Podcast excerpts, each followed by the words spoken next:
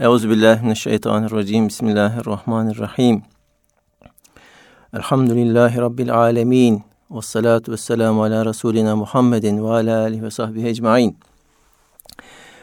Kıymetli Erkam Radyo dinleyenleri, bir İlmihal Saati programından tekrar merhabalar. Allah'ın selamı, rahmeti ve bereketi hepimizin üzerine olsun. Kutlu bir iklime, Ramazan iklimine doğru yavaş yavaş yaklaşıyoruz. Sizlerden bize ulaşan soruları ben Deniz Basri Çalışkan, pek muhterem hocam Ahmet Hamdi Yıldırım'a tevcih edeceğim. İnşallah kendisinden cevapları dinleyeceğiz. Muhterem hocam, e, bize ulaşan soruları okumak istiyorum. İlk sorumuz şöyle. Öncelikle selamun aleyküm demiş dinleyenimiz. selam. Ben hukuk fakültesi 3. sınıf öğrencisiyim. Günümüzdeki sistemde hukukçu olunmayacağına dair birçok yazı okudum ve bayağı bir sıkıntı içindeyim. Malumunuz Türkiye'de şer'i hükümler uygulanmıyor. Bu sistemde avukat, hakim, savcı olunabilir mi? Cevaplarsanız çok memnun olurum. Okuldan mezun olursam ne yapacağımı bilemiyorum diye eklemiş. Evet, elhamdülillahi Rabbil alemin ve salatu ve selamu ala Resulina Muhammedin ve ala alihi ve sahbihi ecmain. Öncelikle bu soruyu soran kardeşimize teşekkür ederim. Gerçekten çok önemli bir soruya parmak basmış, sorunu dile getirmiş oldu. Ama dilerseniz Basri Hocam talebelik yıllarımdan bir hatıram ile soruya cevap bulmaya beraber çalışalım. Merhum Ali Fikri Yavuz Hoca Efendi'den ders okuyorduk. Allah hem Ali Fikri Yavuz hocamıza hem de bütün hocalarımıza gani gani rahmet eylesin. Amin. Kendilerinden feraiz ilmini, miras ilmini öğreniyorduk. Evlerine gider, e, haftanın belli günlerinde ders yapardık. Hoca efendi de Allah gani gani rahmet eylesin, evini bizlere açar, yaşlı olmasına rağmen çok titiz bir şekilde bizimle ilgilenir, dersini verirdim. Kendisinden çok istifade ettik. Bir gün efendim müsaadeniz olursa Mısır'a yüksek tahsil için gitmek arzu ediyorum dedim. Dedi ki evladım memleketi terk edip nereye gideceksin dedi. Okumak istiyorsan, ilim tahsil etmek istiyorsan memlekette de bu ilim tahsilini yapabilirsin.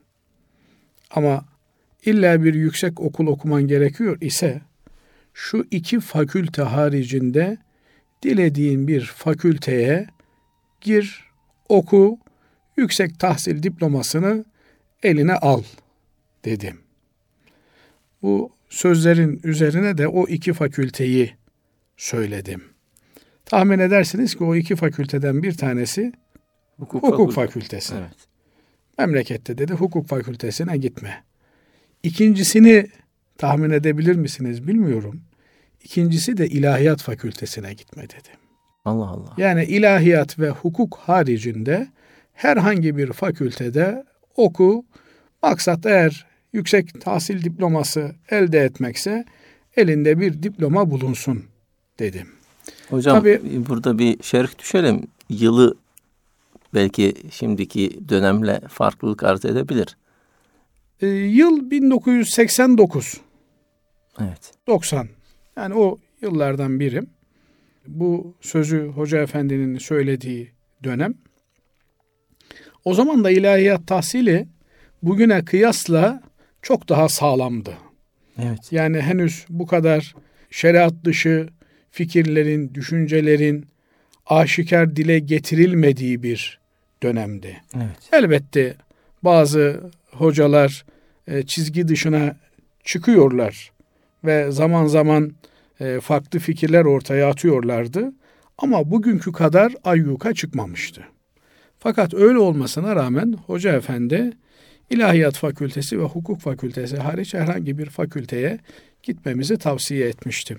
Tabi edebimiz gereği hayamız gereği de Basri Hocam neden bu iki fakülteyi tercih etmeyelim diye sorma imkanımız da olmamıştı Hoca Efendi'ye. Ama bilebildiğim, anlayabildiğim kadarıyla e, ilahiyat fakültelerinde öğrencilerin ehli sünnet çizgisi dışına kayması endişesini taşıyordu. O günkü medreseli ulema. Bu Ali Fikri Yavuz hocam olsun, başka hoca efendiler olsun o dönemde. Bunlar medreseyi temsil eden hoca efendilerdi. Onlar belki ilahiyat fakültesine giden veya orada ders veren hocalarımız gibi telifat verememişlerdi. Ama çok önemli bir hizmeti ifa ediyorlar. Talebe okutuyorlardı canhiraş bir şekilde. Mamafi Ali Fikri Yavuz Hoca Efendi'nin telif ve tercüm olmak üzere de birçok eseri bulunuyor. Bu medreseyi temsil eden hoca efendiler içerisinde eli kalem tutan bir isimdi aynı zamanda. Hukuk fakültesini tercih etmeyişinin, tavsiye etmeyişinin sebebi de bu kardeşimizin e, sorusunda dile getirmiş olduğu gerekçeler olsa gerek. Yani siz bir Müslümansınız.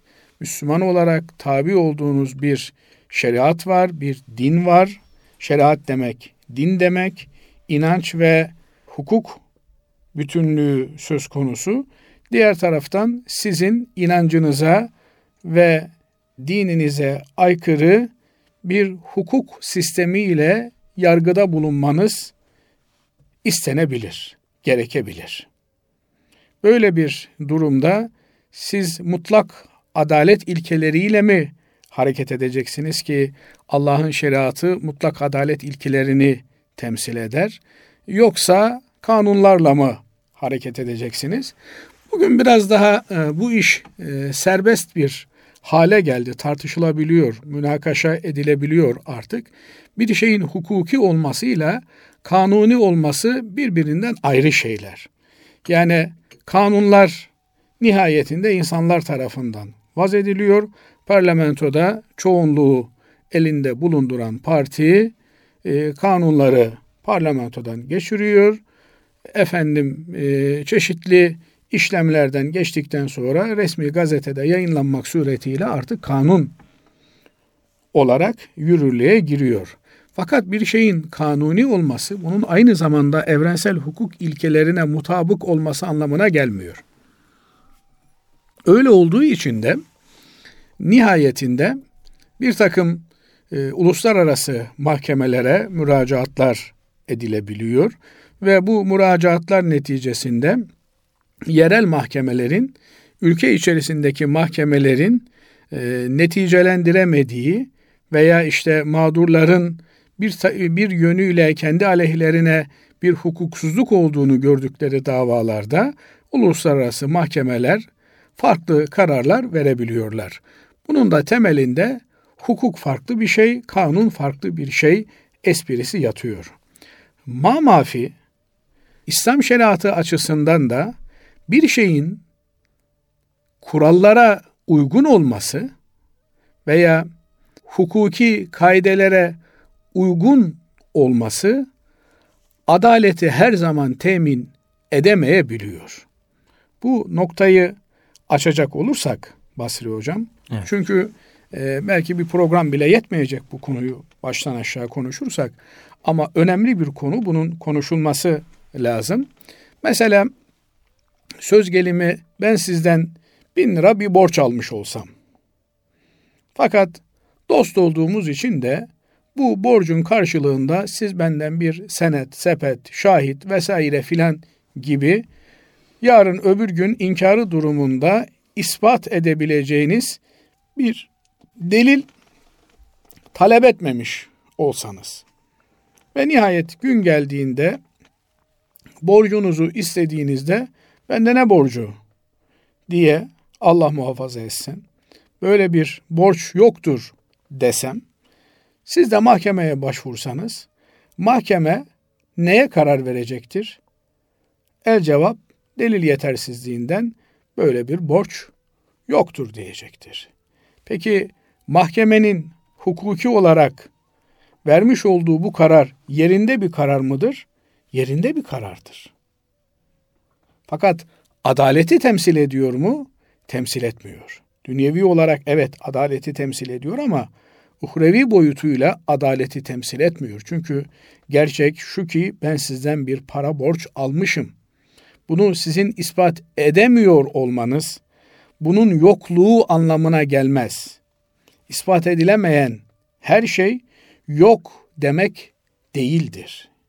Binaenaleyh burada dünyevi olarak bakıldığında yok hükmünde olan bu işlem ahiret açısından ebedi hukuk normları açısından bir haktır ve bu dünyada ödenmediğine göre ahirette bu hak ödenecek demektir. Binaenaleyh bazen şer'i hukukumuz açısından da hukukun yetersiz kaldığı yerler olabilmektedir. Nitekim Hz. Peygamber sallallahu aleyhi ve sellem Efendimiz kendisine gelip davalaşan iki kimseye hitaben şu tarihi sözlerini söyler. Ki yargı hukuku açısından bunlar çok önemli ifadelerdir. Buyurur ki Efendimiz Aleyhisselatü Vesselam, sizden biriniz davacıyla davalıdan biri ağzı daha iyi laf yaptığı için, delilini daha iyi takdim ettiği için onu haklı görür ve onun lehine hakkı olmayan bir şeyi verirsem bilsin ki ona cehennem korunu veriyorumdur. Cehennemden bir kor kopartıp ona veriyorumdur. Yani vicdani adaletin kabul etmediği, kişinin kendisinin haksız olduğunu bile bile ama yargıyı yanıltarak hatta ve hatta Hz. Peygamber sallallahu aleyhi ve sellem Efendimiz bile yargıda bulunuyor olsa ki bu hadis-i şerif onu gösteriyor. Yargıyı yanıltarak kendi lehine çıkartmış olduğu bir hüküm ona hak olmaz. Aksine onun aleyhine vebal olarak tecelli eder. Hazreti Peygamber Efendimiz yanıltılabilir mi? Haşa. Ama Efendimiz Aleyhisselatü Vesselam ümmetine örnek olsun için şu ifadeyi kullanıyor. Biz zahire bakarız. Yani dış görünüşe, verilere bakarız. Eldeki delillere bakarız ve ona göre hareket ederiz. Nitekim yargıçın, kadının kendi ilmiyle yargıda bulunup bulunamayacağı meselesi tartışılmış. Ve alimlerimiz demişler ki yargıç kendi ön bilgileriyle konuyla ilgili malumatıyla hareket edemez. Yargıcın bağlı olduğu delil mekanizması vardır. Deliller neyi gösteriyorsa ona göre hareket etmek durumundadır. Elbette nihayetinde yargıçlar da kararlarını son e, noktada vicdanlarıyla verirler. Fakat bu açık bir durum değildir. Deliller burada asıl bağlayıcı olan unsurdur. Nitekim bu hususta yargı usulü açısından şahitler iki çubuktur. Eğer ateşi tutacaksan çubuklarla tut, yargı ateşini ellerinle tutmaya kalkma derler. Binaenaleyh hükmü doğuran yargıçlar değil, yargıçları sevk eden şahitler ve deliller olmuş olmaktadır. Buna göre bir Müslüman Allah'ın ve Resulünün aleyhissalatu vesselam Efendimizin tayin ve tespit ettiği kurallara göre hak tevziinde bulunur. Çünkü hakkın, hukukun kaynağı Allah Teala'dır. Hak Cenab-ı Allah'ın isimlerinden bir isimdir. Allah'ın hak olarak vermediğini kimse hak olarak ileriye süremez. Binaenaleyh hakkın kaynağı Hak Teala olmalıdır. Bu yönüyle biz hakları kul hakları ve Allah hakları olarak ve de karma hakla, haklar olarak üç kısma ayırıyoruz. Ama bütün hakların temeli Allah hakkından kaynaklanır. Yani komşunun komşusunun hukukuna riayet etmesi, kul haklarına riayet etmekte nihayetinde Allah'ın emri olduğu için bir hak olarak karşımıza çıkmaktadır.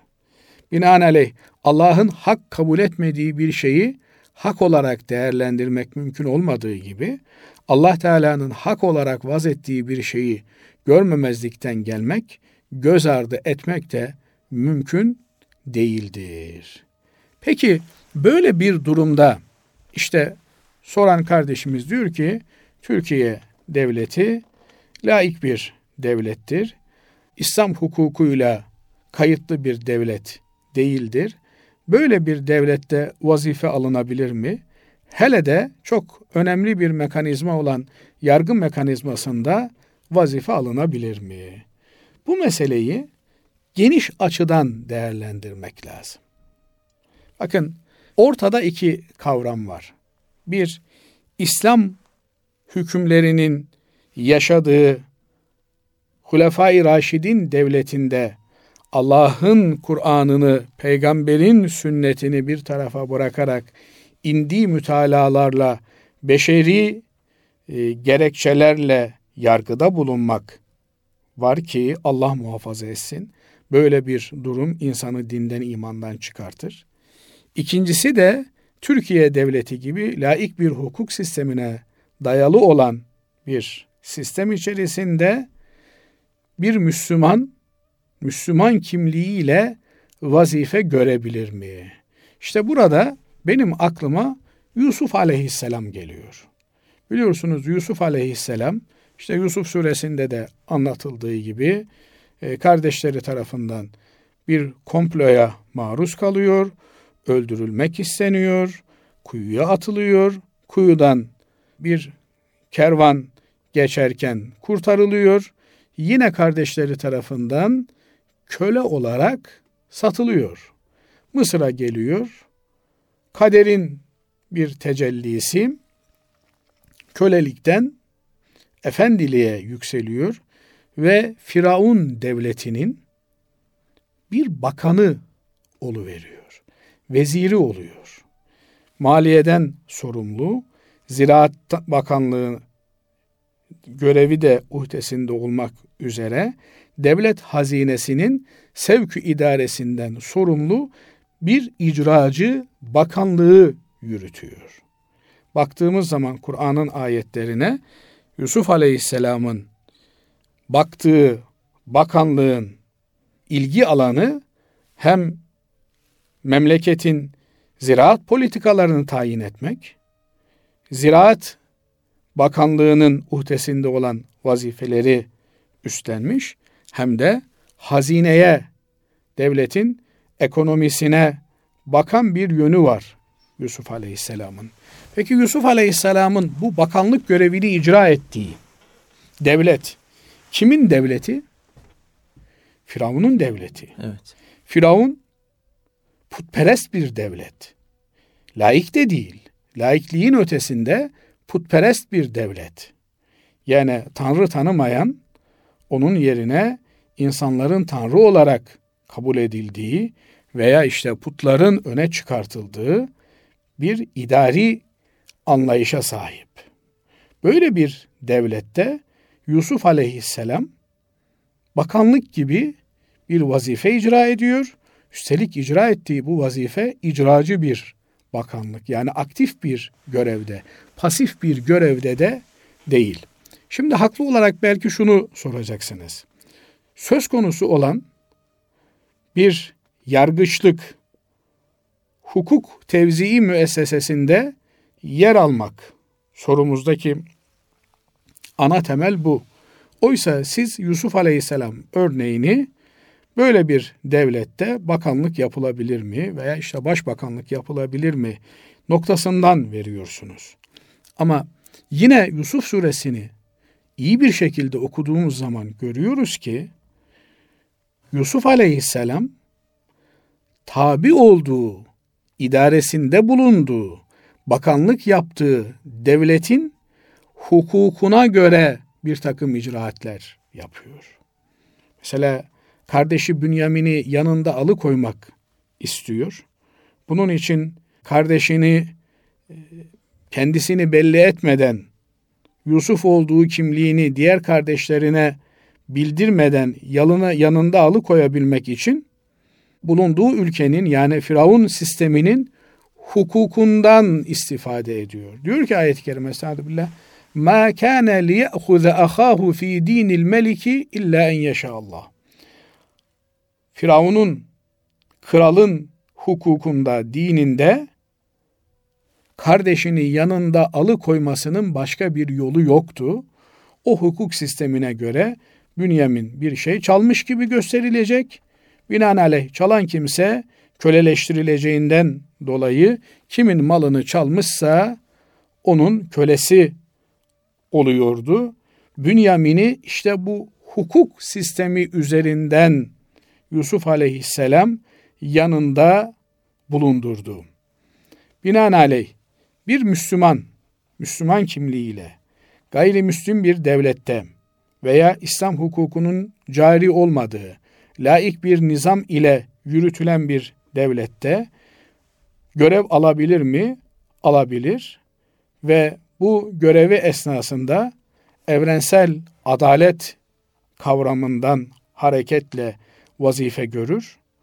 Zulüm yani bir şeyi haksız olarak icra etmek gibi bir duruma düşmemeye azami gayret gösterir.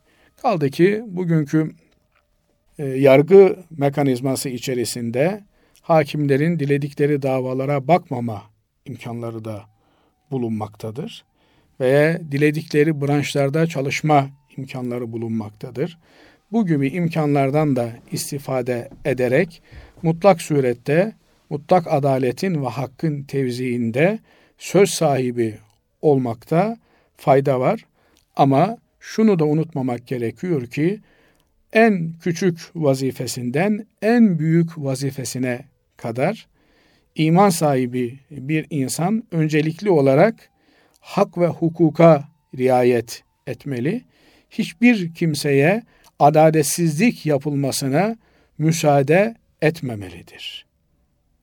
Nitekim e, Müslümanların yüksek ahlakları, adalet anlayışları diğer milletleri çoğu zaman etkilemiş ve birçok gayrimüslim unsur Müslümanların bu yüksek ahlakını görerek, erdemini görerek Müslüman olmuşlardır. Mesela tarihte Bağdat'ı ve Şam'ı istila eden Moğolların bir müddet sonra işgal ettikleri, sömürdükleri halkın dinine tabi olmaları gibi bir sosyal gerçeklik vardır ki bu üzerinde çokça düşünülmesi ve durulması gereken bir meseledir.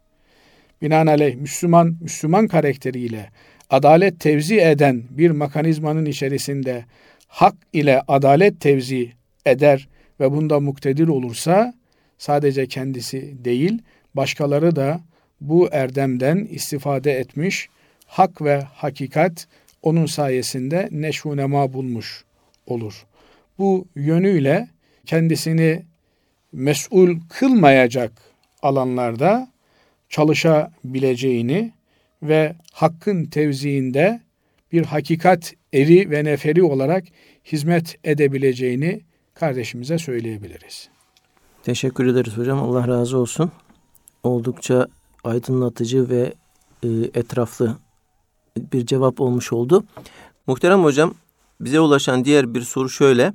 Yeni Müslüman olmuş biri geçmiş namazları kılmak zorunda mıdır? Evet. Şimdi özellikle de Hanefi mezhebi açısından namazın vücub şartları arasında akıllı olmak, bali olmak ve Müslüman olmak gelir. Yani namaz akıllı, aklı başında, bülü çağına ermiş Müslümanlara farzdır. Çünkü gayrimüslim olan, henüz Müslüman olmamış kimsenin öncelikle muhatap olduğu konu imandır. Yani önce Hz. Peygamberimiz Muhammed Mustafa sallallahu aleyhi ve sellemin Allah'ın kulu ve Resulü olduğunu kabul edecek.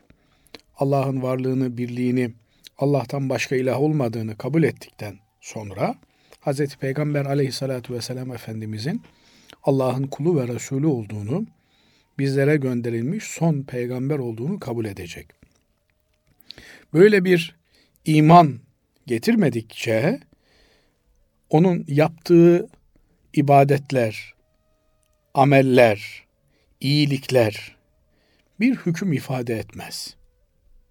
Yani Allah'a iman etmemiş olan bir kimse insanlığa ne kadar büyük iyilik yaparsa yapsın, insanlığa ne kadar hayrı dokunursa dokunsun, bunların hiçbir ehemmiyeti mevzu bahis değildir. Mesela çok cömert insan, fakirlere yardım ediyor.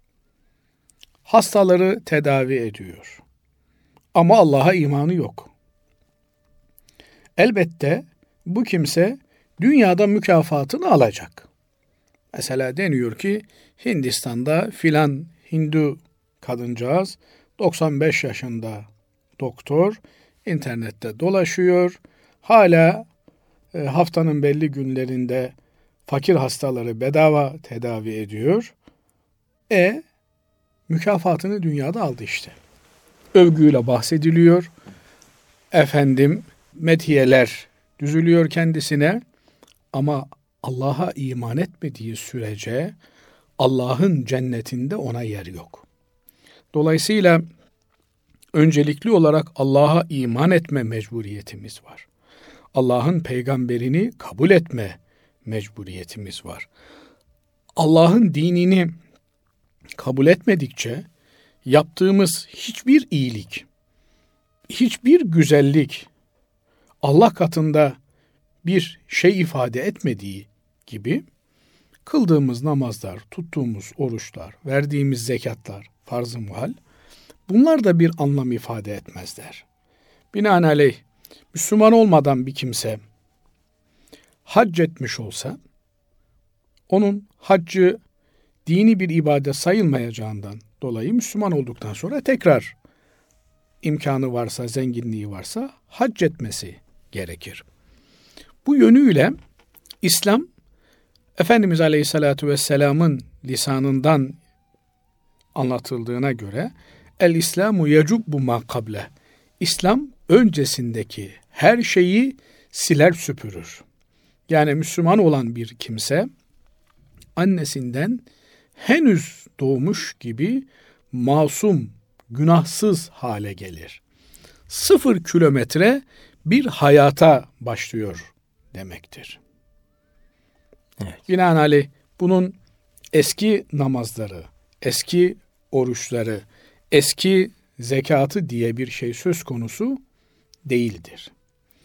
Bu yüzden yeni Müslüman olmuş olan bir kimse Müslüman olduktan sonra namazlarını titiz bir şekilde eda etmeye gayret edecek ama ondan önceki namazlarını eda etme mükellefiyeti, mecburiyeti söz konusu değil.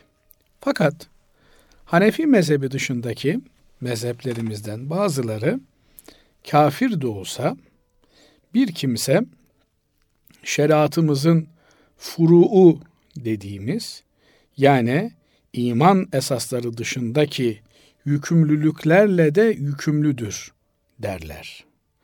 Buna da delil olarak Kur'an-ı Kerim'de kafirlere sizi cehenneme sevk eden, alıp götüren ne oldu? Ma selekekum fi sakar. Sizi cehenneme ne attı? Ne götürdü? diye sorulduğunda onların verdikleri cevaptır. Diyorlar ki kalu lem neku minel musallin. Biz namaz kılanlardan değildik. Ve lem neku nut'imul miskin. Miskini, fakiri yedirmezdik. Dolayısıyla burada e, miskini yedirmek, fakiri yedirmek biliyorsunuz zekat Medine-i Münevvere'de bugün bildiğimiz haliyle farz hale geliyor. Ondan önce e, fakiri doyurmak, fakire yardım etmek şeklinde mali yükümlülükleri Müslümanların söz konusu. Burada hem bedeni yükümlülük olan, bedeni bir ibadet olan namaz hem de mali yükümlülük olan fakiri, fukarayı yedirmek noktasında kusurları olduğu için, eksikleri olduğu için, bu iki ibadeti yerine getirmedikleri için cehennemlik olduklarını söylüyorlar. Bunlar kim? Bunlar kafirler. Cehennemi boylamışlar. Cehennemlik olanlara soruluyor. Diyor ki sizi buraya attıran sebep ne? Bir namaz kılanlardan değildik diyorlar. İki işte e, genel ifadesiyle zekat vermezdik diyorlar. Binaenaleyh buradan hareketle bazı fakihlerimiz, alimlerimiz diyorlar ki iman etmese de bu ibadetlerle sorumludur. Elbette iman etmediği sürece bu ibadetlerin kabul edilmesi mümkün değil ama buna rağmen bunlardan da hesaba çekilecektir. Binaenaleyh bunların da e, yerine getirilmemiş olmasının hesabını, günahını ahirette ona soracaklar. Azabı böylelikçe daha da katlanacak demektir. Ama bu alimlerimize göre de Müslüman olmuş olan bir kimsenin artık mazisi tertemiz hale gelmiştir.